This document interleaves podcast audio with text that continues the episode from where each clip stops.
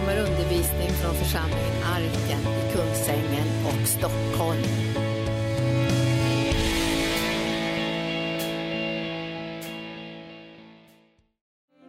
Åh, vi prisar dig.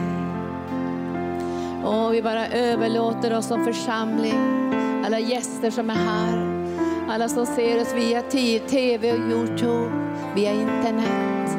Kommer din heliga Ande och väcker våra hjärtan idag en längtan att vara bärare av din härlighet, att ha det saltet närvarande i våra liv, ha oljan till hands och att ljuset får skina klart från våra liv. Det är för du har sagt här att ljuset ska skina så starkt att det ska lysa upp våra hjärtan. För att vi är världens ljus, för att du är världens ljus. Och vi är jordens salt, därför att du är jordens salt. Och det saltet får aldrig någonsin förlora sin sälta. Och jag ber dig heliga Ande, att arkens ljus ska skina klart bortom Nordens gränser. In i länder utöver världen, Nepal och Indien, Filippinerna, Kambodja, Afrika, Latinamerika, Israel, på alla platser dit du har sänt oss. Låt ljuset skina klart. Och jag ber idag att vi får bara avsäga oss all kompromiss och all människofruktan och all rädsla. För ljuset ska skina klart. Så kom heliga Ande. Halleluja. Tack för denna vackra härliga sång. Det var en proklamation i andevärlden och en, sände ut en längtan från våra hjärtan. Tack ska ni ha. Välkomna hit idag. En underbar dag, äntligen söndag. Vi har varit ute på Sjöhamra gård under den här helgen och vi har haft en omsorgshelg med Roger Larsson och vi har varit vi har varit ungefär 25-27 personer där och det var fullt hus. Till och med de som fick åka hem och sova hemma mellan, på, på natten. Och Roger är ju 83 år. Och eh, full med kraft och smörjelse. Det är egentligen ganska gripande att se honom när han flödar i den heliga ande och får tag på sakerna som Gud har på sitt hjärta. Och I det sista mötet så gav han sitt vittnesbörd och jag kände så här att de som var där fick någonting av ett arv in i sina hjärtan. När han berättade där, han satt och berättade ganska mycket från sitt liv, så tänkte jag så här, ja, det är inte faktiskt undra på att Gud utvalde honom. Han har, liksom, han, han har behållit någonting av liksom barnets kärlek till Gud på ett, på, på, på, på något sätt som är väldigt gripande. Och han berättade när han var tio år, han har många syskon, han bor där, har bott där i, lite i fjällvärlden, eller det var en ganska isolerad by, så fanns det en liten bykyrka. När han var tio år, ingen av hans syskon längtade efter att gå och sätta sig i bykyrkan, men det gjorde han vattenkammade sig och så gick han till bykyrkan som tioåring och så satte han sig och fick en längtan. Det där skulle jag vilja ha som prästen har. Och sen kom det några som skulle sätta upp ett tält i byn och det var pingstkyrkan. Folket trodde det skulle bli tivoli men det var pingstkyrkan och det var helt tomt i det där tältet. Han var den enda besökaren. Så när de kallade fram till frälsning, så han var 12 år då kanske, då gick han fram och böjde sina knän. Och sen när han studerade som 17-18-åring i, i Jönköping så fick han syn på Frälsningsarmén som stod ute och sjöng. Och de hade liksom satt fram någon enkel botbänk där mitt på torget. Ingen gick fram, men så sa han, men jag gick fram och böjde knä vid botbänken. Och på den där vägen gick det, den här längtan blev starkare och starkare. Och han arbetade som ungdomsledare i Frälsningsarmén och gjorde olika saker. Och sen fick han den här upplevelsen på det här Kittelfjället när han kände hur Herren bara drog honom upp på berget och det var sent på kvällen och han föll på rötter och han rev sönder sig och han kom ovanför trädgränsen.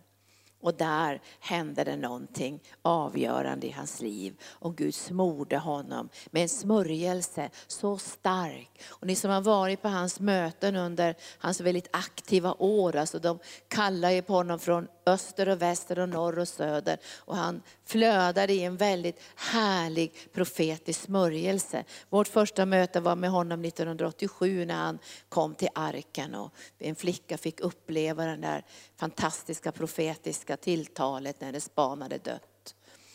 Och han fick ju en tjänst som vida slog sönder gränserna också så det blev inte bara Frälsningsarmén utan han fick ju bära sin röda rock och, och predika på platser utöver världen men han ville helst hålla sig i Norden. Och så sa han till mig så här, ja men jag ska på kampanj i Norge. Så vi kände att det, var en ära för oss att få ha honom där. Och det kom syskon från Norge, det kom syskon från Göteborg, från, från eh, Norrland, från Dalarna, från Kungsängen, från Bibelskolan. Så det var en härlig blandning. Och han gjorde en profetisk hälsning när vi var där. Han gör ju alltid profetiska hälsningar. Så förra året när han var där så brände vi upp alla bekymmer och oro och det som tyngde oss igen ut, ute på gården. Men i år så tände vi eld i en hink. Och så fick alla lägga de här dåliga grejerna som hade, man kände hade kommit upp under den här retriten. Där Guds ande hade berört och så fick vi bränna det. Och sen så gjorde han en profetisk handling med saltet och oljan. Och jag frågade pastor Gunnar i morse, får jag göra, fortsätta den här profetiska handlingen idag med oljan och saltet? Och vi gjorde så igår att vi stod så här, Roger och jag. Och sen hade jag oljan och han hade saltet. Och sen fick man stoppa fingret i oljan och täcka, teckna korsets tecken. Som en proklamation att jag är bärare av evangelium. Och sen fick vi doppa fingret i saltet och sätta det på vår tunga för att komma ihåg att vi är Guds ambassadörer i den här världen. Alltså församlingen är ju Guds ambassad. Alltså den ambassader som Gud bygger upp över hela jorden som representerar ett annat rike än det rike som finns i världen. Alltså vi är ambassadörer för Guds rike. Och när man kommer in i Guds församling så är det för att möta Jesus. Förvandlas av Jesus. Och därför behöver vi både ljus och salt och olja för att kunna bevara renheten, heligheten och Guds närvaron både i våra egna liv och i församlingens mitt. Så vi inte glömmer bort vårt uppdrag.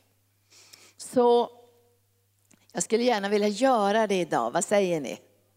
Att vi skulle kunna gå förbi, bara påminna oss om vårt uppdrag. Jag märker ibland att församlingen glider bort från sitt uppdrag och så tror de att uppdraget bara är inomvärldsligt. Alltså att det är någonting, det är bara det inomvärldsliga. Vårt uppdrag är av en annan art. Det har med evigheten att göra och människors eviga väl och frälsning. Så jag tänkte jag skulle ta det, jag har många bibelställen, de står på rad här bibelställena. Ibland står de verkligen på rad bibelställen. Men det första bibelstället jag vill läsa är ifrån Apostlagärningarna. När Jesus säger till de här lärjungarna, och det var inte särskilt många heller på pingstdagen i bön. Det var ju drygt hundra stycken män och kvinnor, så det var inte många. Det var en liten grupp som samlades på pingstdagen. Men när Jesus talar till lärjungarna eh, i Apostlagärningarna kapitel, vi ska titta i Apostlagärningarna kapitel 1. Så säger han till dem i den, i den fjärde versen, han hade måltid med apostlarna efter uppståndelsen. Nu får jag tänka efter uppståndelsen. Nu, nu är det här lite, så här, lite jobbigt att tänka på det, att efter uppståndelsen så begränsade ändå Jesus sig till att inte visa sig för alla.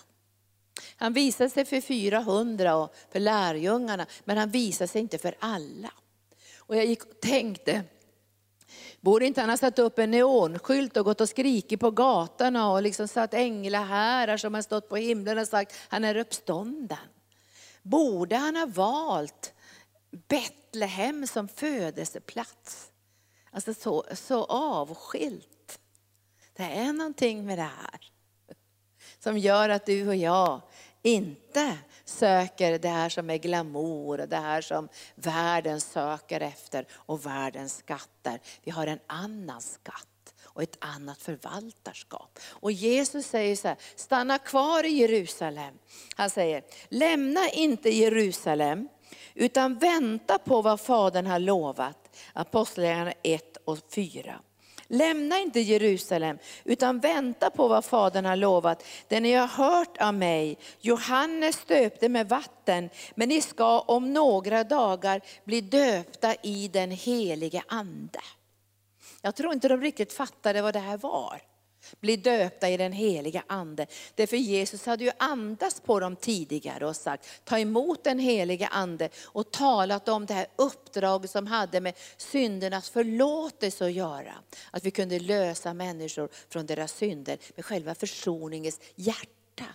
Men nu skulle det komma kraft från himlen för att de skulle kunna göra ett uppdrag som var långt mycket, mycket, mycket, mycket, mycket, mycket större än de kunde tänka sig i sin lilla begränsade värld. Då behöver man kraft från höjden, eller hur? Då behövs det någonting annat. Alltså de är bara ungefär med tolv stycken här och Jesus säger, men stanna här nu. Och så står det i sjätte versen, när de var samlade så frågade de Jesus alltså, nu ska ni, nu ska ni se vad de frågar, nu är det bara världsligt. Det, det är inte fel det här, men det är ändå världsligt. Därför de frågar om Israel. De frågar det naturliga, de frågar så här, ska vi inte, de frågar egentligen så här, ska du inte befria oss från ockupationsmakten? Ska du inte göra någonting åt det här politiska läget? Ska du inte se till att det blir ordning och reda på det här och få ut de här, den här ockupationsmakten från Israel? Alltså de tänkte, det uppdraget vore ju bra att få.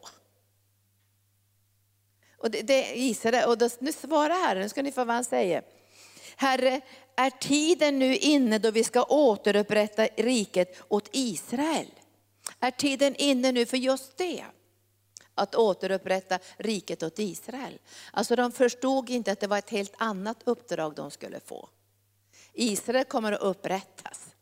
Men det är ett helt annat uppdrag än den begränsningen som är i Israel.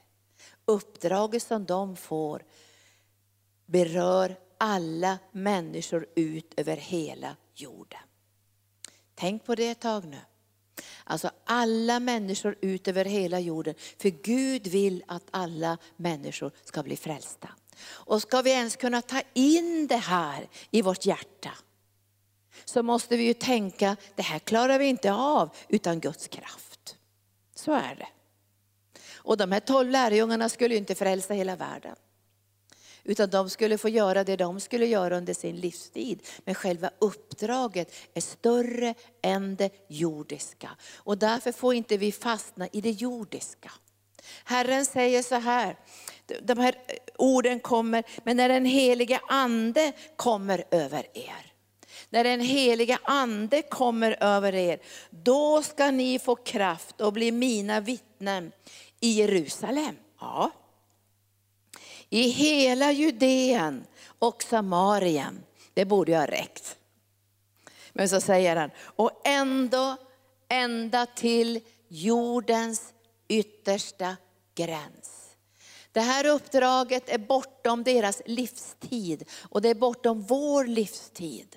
Jag berättade för, för eleverna här, här innan jag åkte till Sjöhamra gård att jag var på en kallelse och så presenterade de mig och sa så här, Linda hon vill rädda hela världen. Här är Linda som vill rädda hela världen.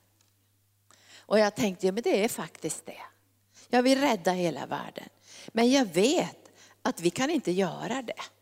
Men vi kan göra det uppdrag vi har fått ifrån Gud. Och vi ska göra det bra. Vi kan inte hjälpa alla fattiga, vi kan inte hjälpa alla hungrande, vi kan inte gå in i alla sjukhus och vi kan inte gå in i alla fängelser. Men det som Gud kallar oss till, det ska vi göra och vi ska göra det bra. och vi ska göra det uthålligt och vi ska göra det med kärlek och vi ska göra det med trofasthet och vi ska göra det med ansvarstagande. Men vi ska fortfarande ha kvar i våra hjärtan, vi vill rädda hela världen. Eller hur? Därför när vi står i Indien och Nepal om några veckor och vi ber för alla de här barnen, då är de min utsträckta hand för att rädda hela världen. För jag vet, jag kan inte rädda hela världen. Och det här var en otrolig frustration förstår ni, när vi kom till Indien första gången. För det såg mycket, mycket värre ut än det gör idag. Då var det sjuka barn med utstuckna ögon, tiggare, överallt, överallt, överallt. Människor som inte hade några ben som bara drog sig fram på en planka. Djur som var skadade och jag som älskar djur. Hundar med brutna ben och kossor med sönderskavda klövar som blödde på fötterna. Allt det där. Och jag såg på teammedarbetarna att de ville gå och ge till alla. Vi ger till alla. Vi kan inte gå förbi dem, men vi måste ge till alla. Och vi måste ge till varenda en. Och då sa vi så här, så kan vi inte arbeta. Vi ska ha det här i vårt hjärta, att vi vill hjälpa hela världen. Hjälpa alla döende barn, alla sjuka djur. Vi vill göra allt, allt, allt vi förmår. Och Roger han skrattade åt mig igår när jag sa, vi har startat djurfarm i Nepal. Då vill han ha en buffel. Han ska få en buffel och den ska heta Roger Larsson. Han ska, få en, ska välja ut den finaste buffen som heter Roger Larsson. Ser ni här? Vi ska, alltså, ni ska, måste, för att annars går vi sönder. Alltså det här är en kamp. Vi, när vi såg allt det här. Och jag minns en gång en av de här teamen, vi var i Uganda och en av de här jättegulliga teamledarna, han, inte teamledare, med team, medarbetarna, han såg den här mannen som var helt sjuklig och skabbig och smutsig som låg på sin lilla bräda och han skulle försöka ge honom massor med pengar. Och jag sa, det är inte bra att göra det. För när vi har gått därifrån kommer de att döda honom och knuffa ner honom i ett dike och ta pengarna ifrån honom. Alltså vi måste göra det på ett ansvarsfullt sätt och även om vi får en kamp på insidan, vi kan inte hjälpa alla, så ska vi hjälpa väldigt många med ett ansvarstagande, eller hur? Men i våra hjärtan ska vi ha kvar, vi vill rädda hela världen. Vi måste ha kvar i våra hjärtan, inte bara Jerusalem, Judeen och Samarien, utan ut över hela jorden. För vi ska överföra vision och uppdrag till, till ännu fler människor som bär med det här. Men om vi bara blir begränsade, då blir vi en saltstod. Kommer du ihåg den här Lots hustru? Hon vänder sig om och tittar på staden för hon tänker, vad jag har missat mycket nu i det här världsliga. Och så blir hon en saltstod, blir förstelnad. Och samma sak är det med gölarna och dammarna i Hesekiel 30, 37. Det står att när den dubbla strömmen flödade fram så kunde inte gölar och dammar, de kunde inte fungera. Det blev inget liv i dem. Därför det var, död, det var dött salt bara. Och samma är det med Röda havet, det är dött salt.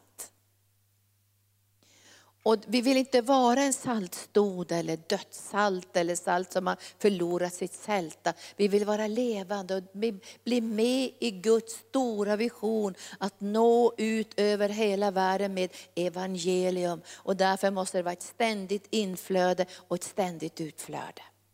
Och ska, vi ska inte ha församlingar som en liten göl. Nu ska vi gossa med Gud här själva en liten göl. Efter ett tag så blir det bara en salt hög av det hela. Det ger inget liv. Det kan inte tala tillbaka för ruttnelsen. Men ser ni det här dubbla? När man ser det här dubbla och ändå tar sitt ansvar i det som vi kan göra så måste man ändå ha kvar det här, vi skall ut över hela jorden. Det här gjorde lärjungarna så ivriga, så kompromisslösa, så engagerade i det som Gud hade på sitt hjärta. Och de stannade i Jerusalem och de blev fyllda med den heliga Ande. Och de förstod sitt uppdrag att förvalta evangelium. Församlingen måste förstå sitt uppdrag att förvalta evangelium. Förstår inte församlingen sitt uppdrag att förvalta evangelium, då kommer vi att svika er. Vi kommer att svika församlingen, därför ni kommer att vara som mähän på era arbetsplatser. Ni kommer att vara som mesa på era arbetsplatser. Ni kommer att smälta upp med väggen på era arbetsplatser. Ni kommer att fyllda med fruktan på era arbetsplatser. Om vi sviker församlingens uppdrag. Eller hur? Då kommer ni ha människofruktan, rädsla. Ni, ni kommer inte våga göra någonting och inte säga någonting om vi sviker det uppdrag som församlingen har. Det här är en ambassad för Gud. Här skriver vi ut himmelska visum, evighetsvisum. Så vi skriver ut dem. Vi har det döpt och tagit emot Jesus som frälsare nu. Är du på väg till himlen och får vara delaktig i evangelium. Men om vi sviker vårt uppdrag, om församlingen blir någonting annat. Om människor måste ta ställning till någonting annat än Jesus. Det går inte. Vi måste som församling hålla kvar detta. I församlingen tar man ställning till Jesus och inte till något annat. Vi tar inte ställning till, till, till andra saker. Det finns massor med saker som vi kan ta ställning till, men det ska inte ni göra här. Ni ska ta ställning till Jesus. Och vi ska förvalta evangelium på den här platsen. Och förvaltar inte vi evangelium och börjar kompromissa, pastor Gunnar och jag, då stiger vi undan. Vi tänker inte kompromissa med evangelium, för då kommer vi att svika er. Vi sviker vårdpersonalen, vi sviker lärarna, vi sviker de som arbetar kanske inom politiken, inom businessvärlden. Var man än arbetar, då sviker vi er om vi kompromissar med evangelium. Om det blir en liten coaching, liten uppmuntran, lite, lite moralkakor. Utan Jesus Kristus måste bli synlig. Vi förvaltar evangelium som är Jesus Kristus. Och jag, jag, läste igår, vi höll på att prata Roger Larsson och jag om, om församlingen i Laodicea. Det står att de, de sa så här, vi behöver ingenting, vi har rikedomar. Vi har allting som vi behöver. Vi har allting. Och så säger Jesus så här till dem, nej men ni är ju eländiga. Ni är ju ynkliga. Ni är ju fattiga. Ni är ju nakna, ni är ju blinda. Varför det? Församlingen i Laodicea. Varför det? Jo men det står ju i Bibeln varför det. Det är för Jesus är utanför, han får stå och knacka. Alltså det är en församling som inte har plats för Jesus. Visst är det hemskt det? Tänk att vara en församling som inte har plats för Jesus. Han får stå och knacka så här, får jag komma in?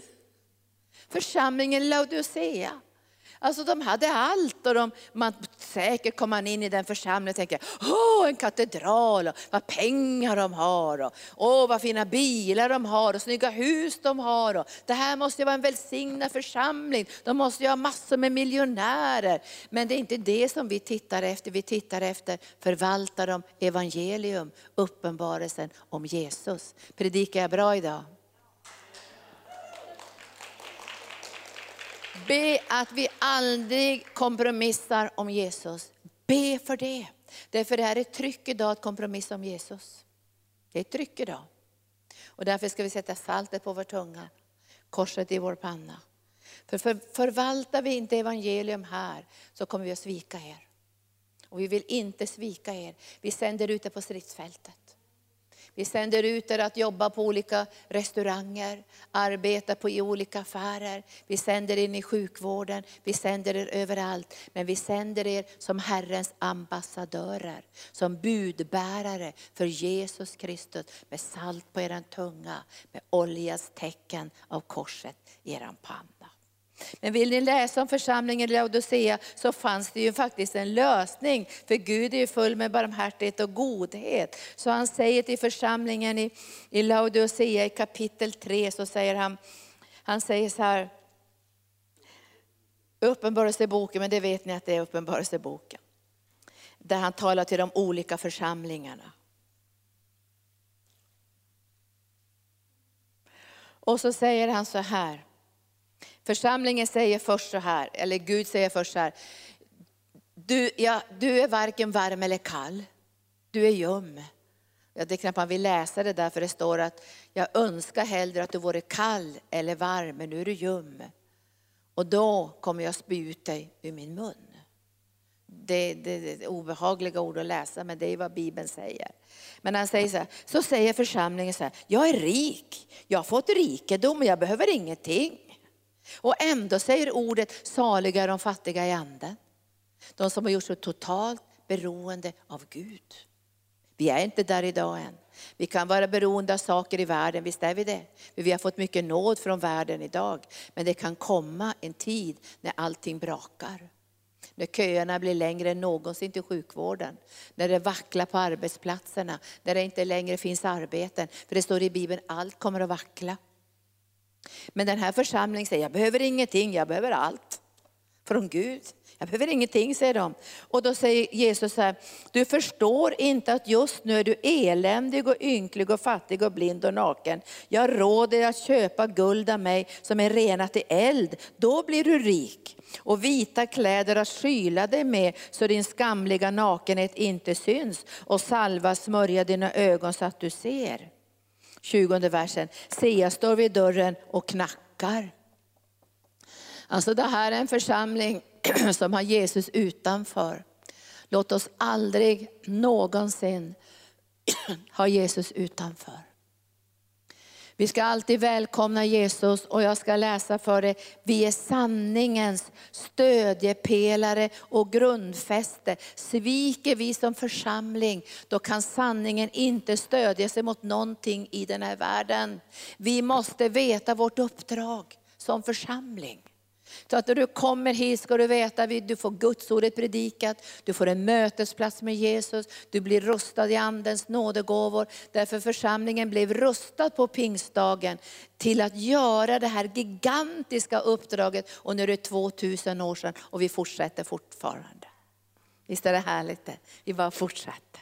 2000 år senare låter vi smörjelsen flöda. Och då står det här ifrån till första Timoteusbrevet kapitel 3 om gudsfruktans hemlighet. Gudsfruktans hemlighet är ingenting konstigt. Det är ingen liten okult hemlighet någonstans. Gudsfruktans hemlighet heter Jesus. Det är det som är Guds fruktans hemlighet och det är honom som vi ska synliggöra, sammanfoga människor med, sammanföra människor med, ge en uppenbarelse mitt i församlingen för Jesus med ett vittnesbörd om att han är uppstånden ifrån de döda och att hans namn är över alla andra namn. Hjälp oss att inte svika, vi behöver be för varandra. För vi så lätt nekar vi koleldarna.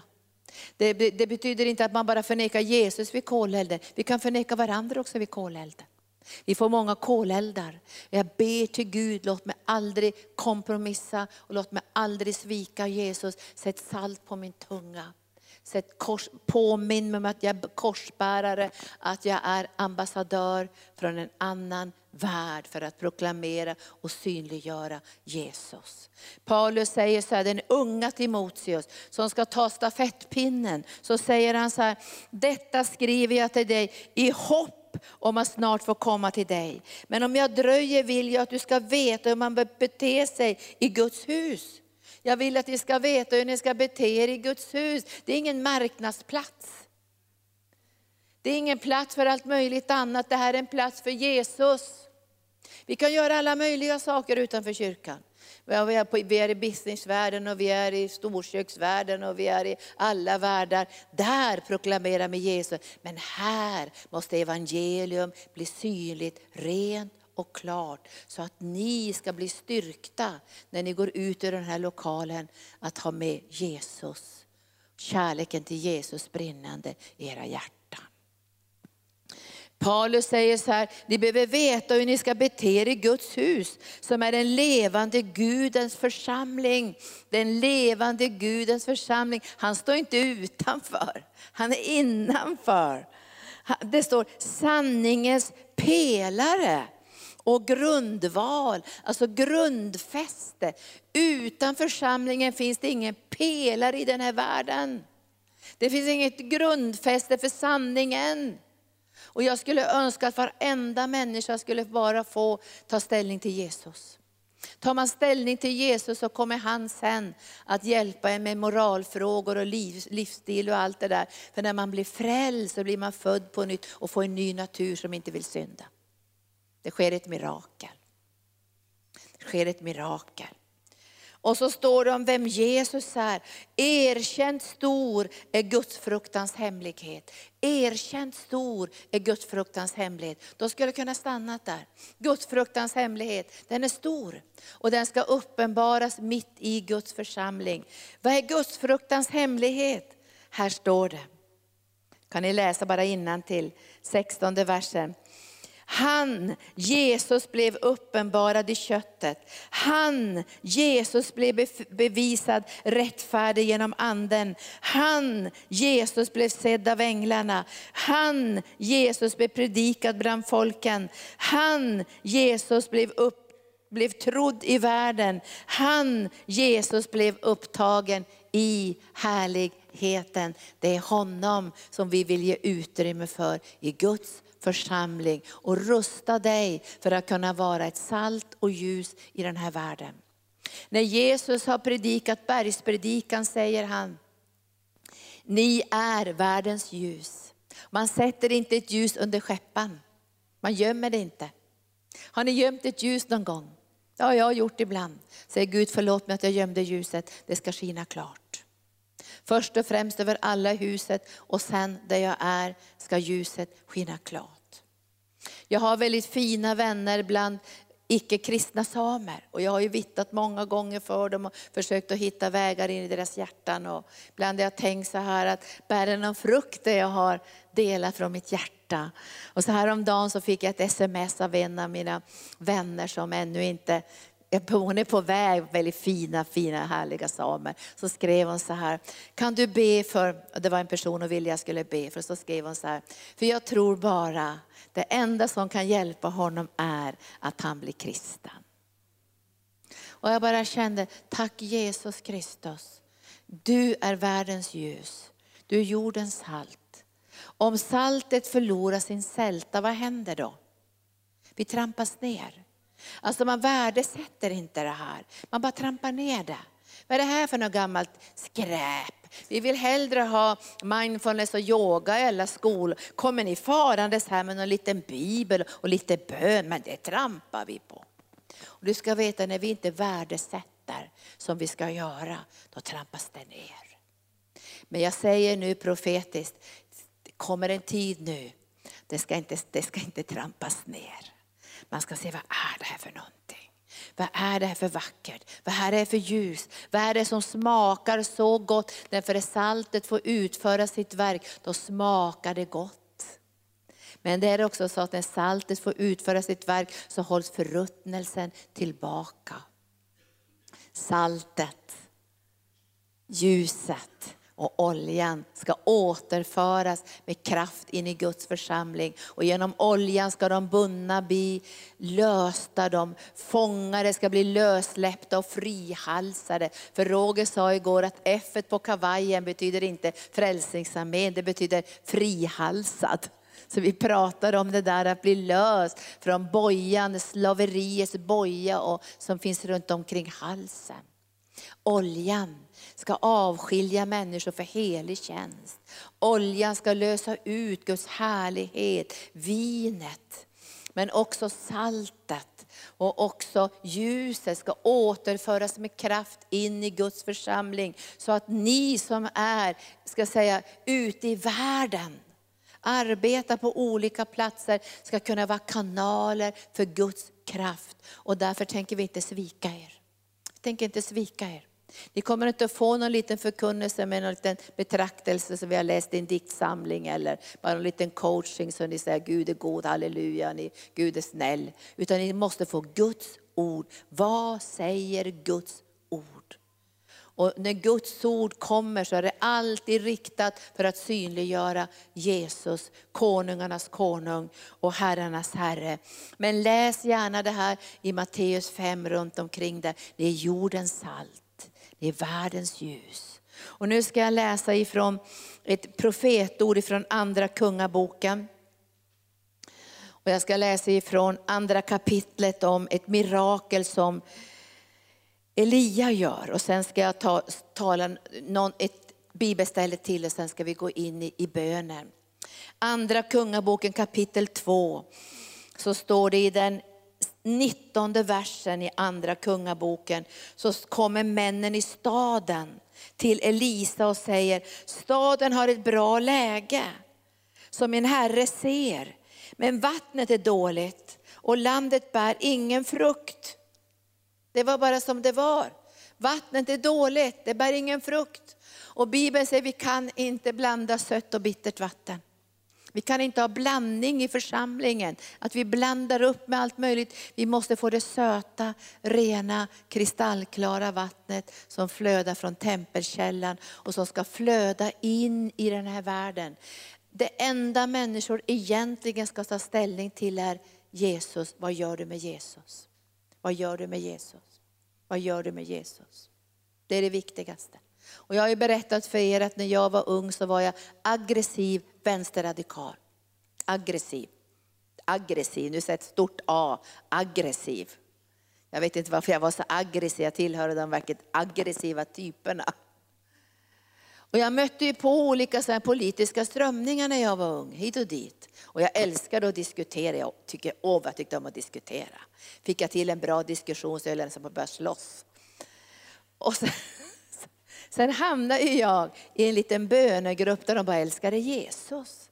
Och jag försökte säga, Bangladeshkrisen, har ni satsat på det? Har ni varit på Vietnamdemonstrationen som var förra veckan? Vet du vad de säger? Kommer ni ihåg vad de sa till mig?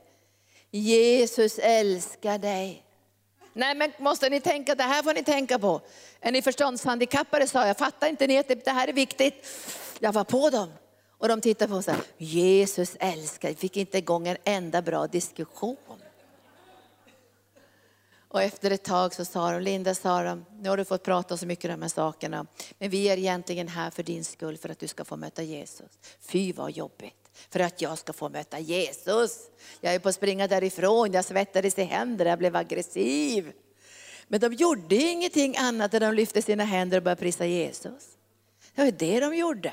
Lyfte sina händer, tårarna rann och de sjöng i anden. Enkla små, som jag tyckte naiva små lovsånger. Jag älskar dig Jesus, du vet att jag gör det. Så enkla små sånger. Men Guds ande föll och jag började svettas i händerna. Jag springer härifrån, vad det är som sker och jag kände knackningen. Jag öppnade. Från den dagen förändrades mitt liv. Och jag fick lämna mycket av, av de här aggressiva grejerna och så här. Men jag berättade för Gunnar häromdagen att jag råkade ut för en dålig grej sen tre, fyra dagar efteråt. Så var jag hembjuden till en väldigt känd familj i Sverige. Jag vet inte vilken politisk position de hade eller något sånt där. Jag, hade liksom, jag var ju bara Jesus, Jesus, Jesus. Jag hade mött Jesus. Det var några dagar sedan jag blivit frälst. Och sen satt vi där vid matbordet och jag berättade hur jag hade blivit frälst och läste på universitet. Och plötsligt sa den här mannen så här, ja men jag är för Vietnamkriget sa han. Jag skulle önska att Amerika hade bombat mer i Vietnam. Vet du vad som hände i mig? Alltså jag blev så aggressiv. Så att det var som att det gamla köttet och livet bara jag kastade mig vid bordet, tänkte ge honom en rak höger. De fick ta tag i mig. Visst är det hemskt? Alltså jag kastade mig över bordet och tänkte nu smäller jag till honom och så går jag ifrån. Men de tog tag i mig och höll mig tillbaka. Och då tänkte jag så här, vad viktigt det är att vi har en församling där man bara får ta ställning till om man tänker följa Jesus eller inte följa Jesus. Sen får ni tycka vad ni vill och ni får ha era idéer överallt vad ni Tycka om olika saker. Det finns alla idéer åt alla håll. Men här ska människor veta att det är Jesus de möter. Vad säger ni om det här? Predikar jag bra? Känner ni att ni vill ha det här? Va? Här ska de möta Jesus, här ska de möta Jesus. Och då ska ni få det sista. Det här ska jag läsa färdigt. Vad gjorde Elisa då? Ja, vi ger väl upp här då. Fy vad jobbigt. Bra läge, dålig mark, ruttet vatten. Nej, säger han i vers 21. Han gick ut, han gick, därefter gick han ut till vattenkällan och han säger så här, först säger han så här, hämta åt mig en ny skål och lägg salt i den. Och de hämtade en sådan åt honom. Därefter gick han ut till vattenkällan och kastade salt i den och så sa han, Väldigt starka ord här. Så sa han. Så säger Herren. Jag har nu gjort detta vatten hälsosamt och det ska inte längre komma död och ofruktsamhet från det. Och vattnet blev hälsosamt och än idag är det det i enlighet med det ord som profeten Elisa sa. Och nu tänker jag så här, du är ett sånt här rent kärl. Och du ska få kasta ut saltet till en värld som är ofruktsam och vattnet går inte att dricka. Vet ni, människor dricker ur ruttna vatten. Och de tror inte att det, det är osunda vatten, de bara dricker för de är törstiga. Och, och, och, jag tänkte nu, jag, jag, såg någon reklam på tv, jag vet inte vem det var, men han är indier. Det, jo, det var den här Batras man, den här komikern. Hon skulle vara en riktig indier, till sist stod han och drack kopiss. Kiss kanske jag ska säga. Men i alla fall. Och sen skulle han gå ner i Ganges och, och tvätta sig ren från sina synder. Han skulle göra andra saker. Och sen så här, men det stinker kloak här i Ganges. Men man måste ändå gå ner för en helig flod. Tänk det vi har, saltet som vi kan slänga ut. Så människor får dricka från Guds källa. Och då läser jag till sist nu, nu har vi läst andra kungaboken kapitel 2 så läser jag nu ifrån Kolosserbrevet. Och det är det sista bibelstället för den här dagen. Kolosserbrevet 4 och 6. Kolosserbrevet 4 och 6. Och är det så att du känner så här att, ja gode Gud, jag har, jag har, vi ska läsa 4, jag läser 4 och 5. 4 och 6, 4 och 5 och 4 och 6.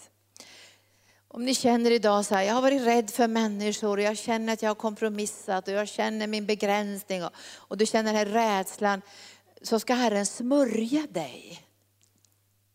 Därför är det en smörjelse från Gud som rustar oss på ett övernaturligt sätt att vara hans vittnen. Men vi ser ju nu att vi är i församlingen och genom församlingen. Men i församlingen måste vi vara hundraprocentigt säkra att det som serveras här inte är uppblandat. Att det inte är någon blandning av new age eller kristendom eller att ni får lite blandat, här, lite yoga och lite, lite tro och lite annat. Utan det, vi måste ropa till Gud, låt det vara rent. Visst vill ni hjälpa oss med det? ska vara re, inte lagiskt, inte hårt där vi ska slå varandra i huvudet. Men vi ska få möta Jesus. Och då säger Paulus så här. Han säger så här, jag måste läsa från fjärde versen. Var uthålliga i bönen i kapitel 4 Kolosserbrevet. Vaka och be med tacksägelse. Be också för oss att Gud öppnar en dörr för ordet så vi kan predika Kristi hemlighet för vars skull jag är fängslad. Be att jag talar som jag bör när jag lägger fram det. Visst är det en bra bön det här? Be att jag talar som jag bör när jag lägger fram det. Och sen i femte versen står det, var visa när, det, när ni möter de utomstående och ta vara på varje tillfälle. Det finns en övernaturlig visdom som vi har fått i utrustning i den heliga Ande, som är visdomens ord, kunskapens ord och profetisk smörjelse. Helandes gåvor. Vi har fått en utrustning på ett naturligt sätt för att kunna nå in i människors hjärtan. Och vi behöver ta till oss den utrustningen så vi inte skämmer ut Jesus eller människor låser sig för att vi är ovisliga och så. Utan vi ska få den här övernaturliga visdomen från Gud. Han sa det, men ta vara på varje tillfälle. Jag har missat många tillfällen. För Gud har gett mig ibland tillfällen som jag har missat för jag har varit för rädd eller för, dragit mig undan eller tänkt jag gör det här sen. Eller. Gud ger tillfällen, ta vara på varje tillfälle för det kanske inte kommer igen det här tillfället. Det kanske inte kommer igen. Men Gud ger ett tillfälle.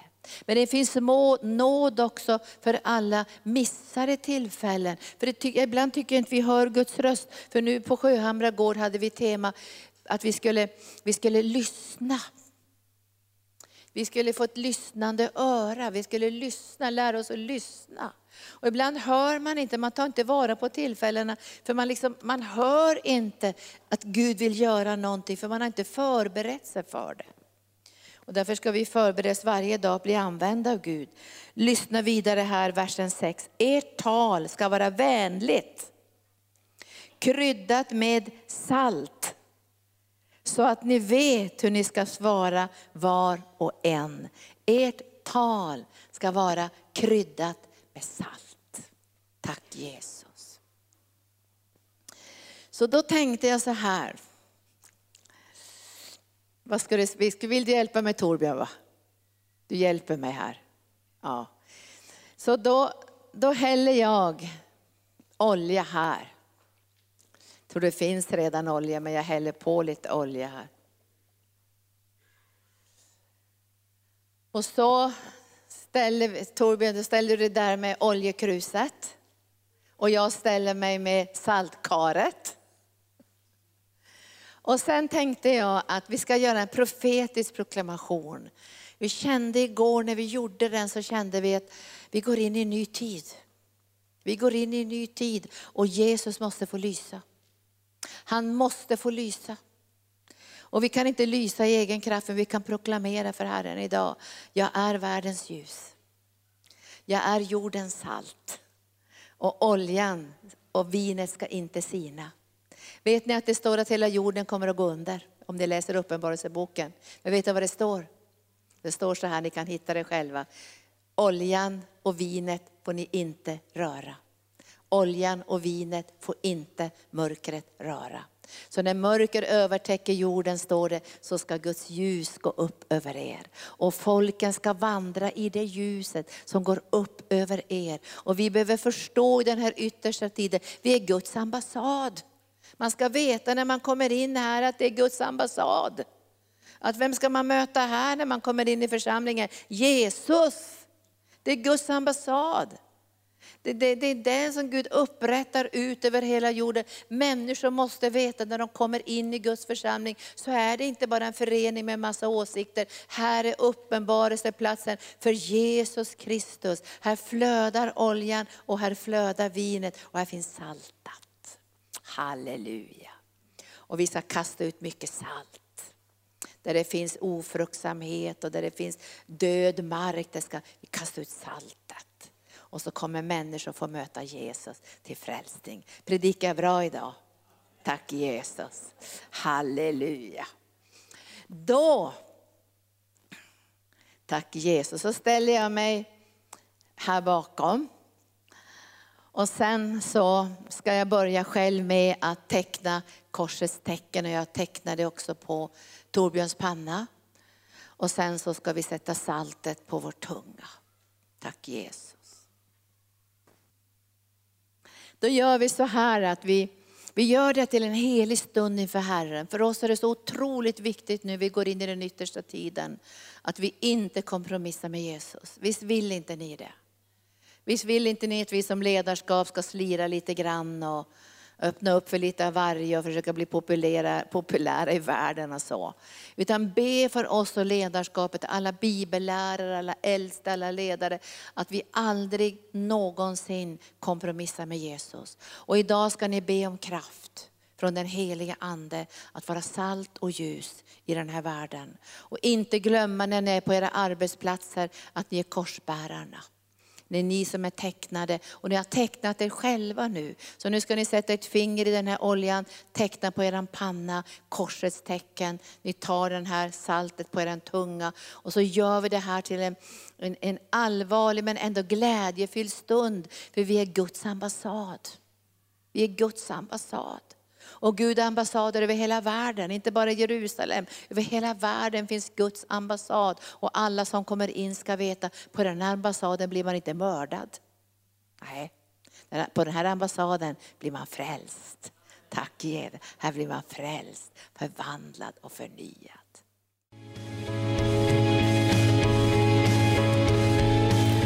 Tack för att du har lyssnat. Vill du få del av mer information om församlingen Arken, vår helande tjänst, bibelskola och övriga arbete, gå in på www.arken.org.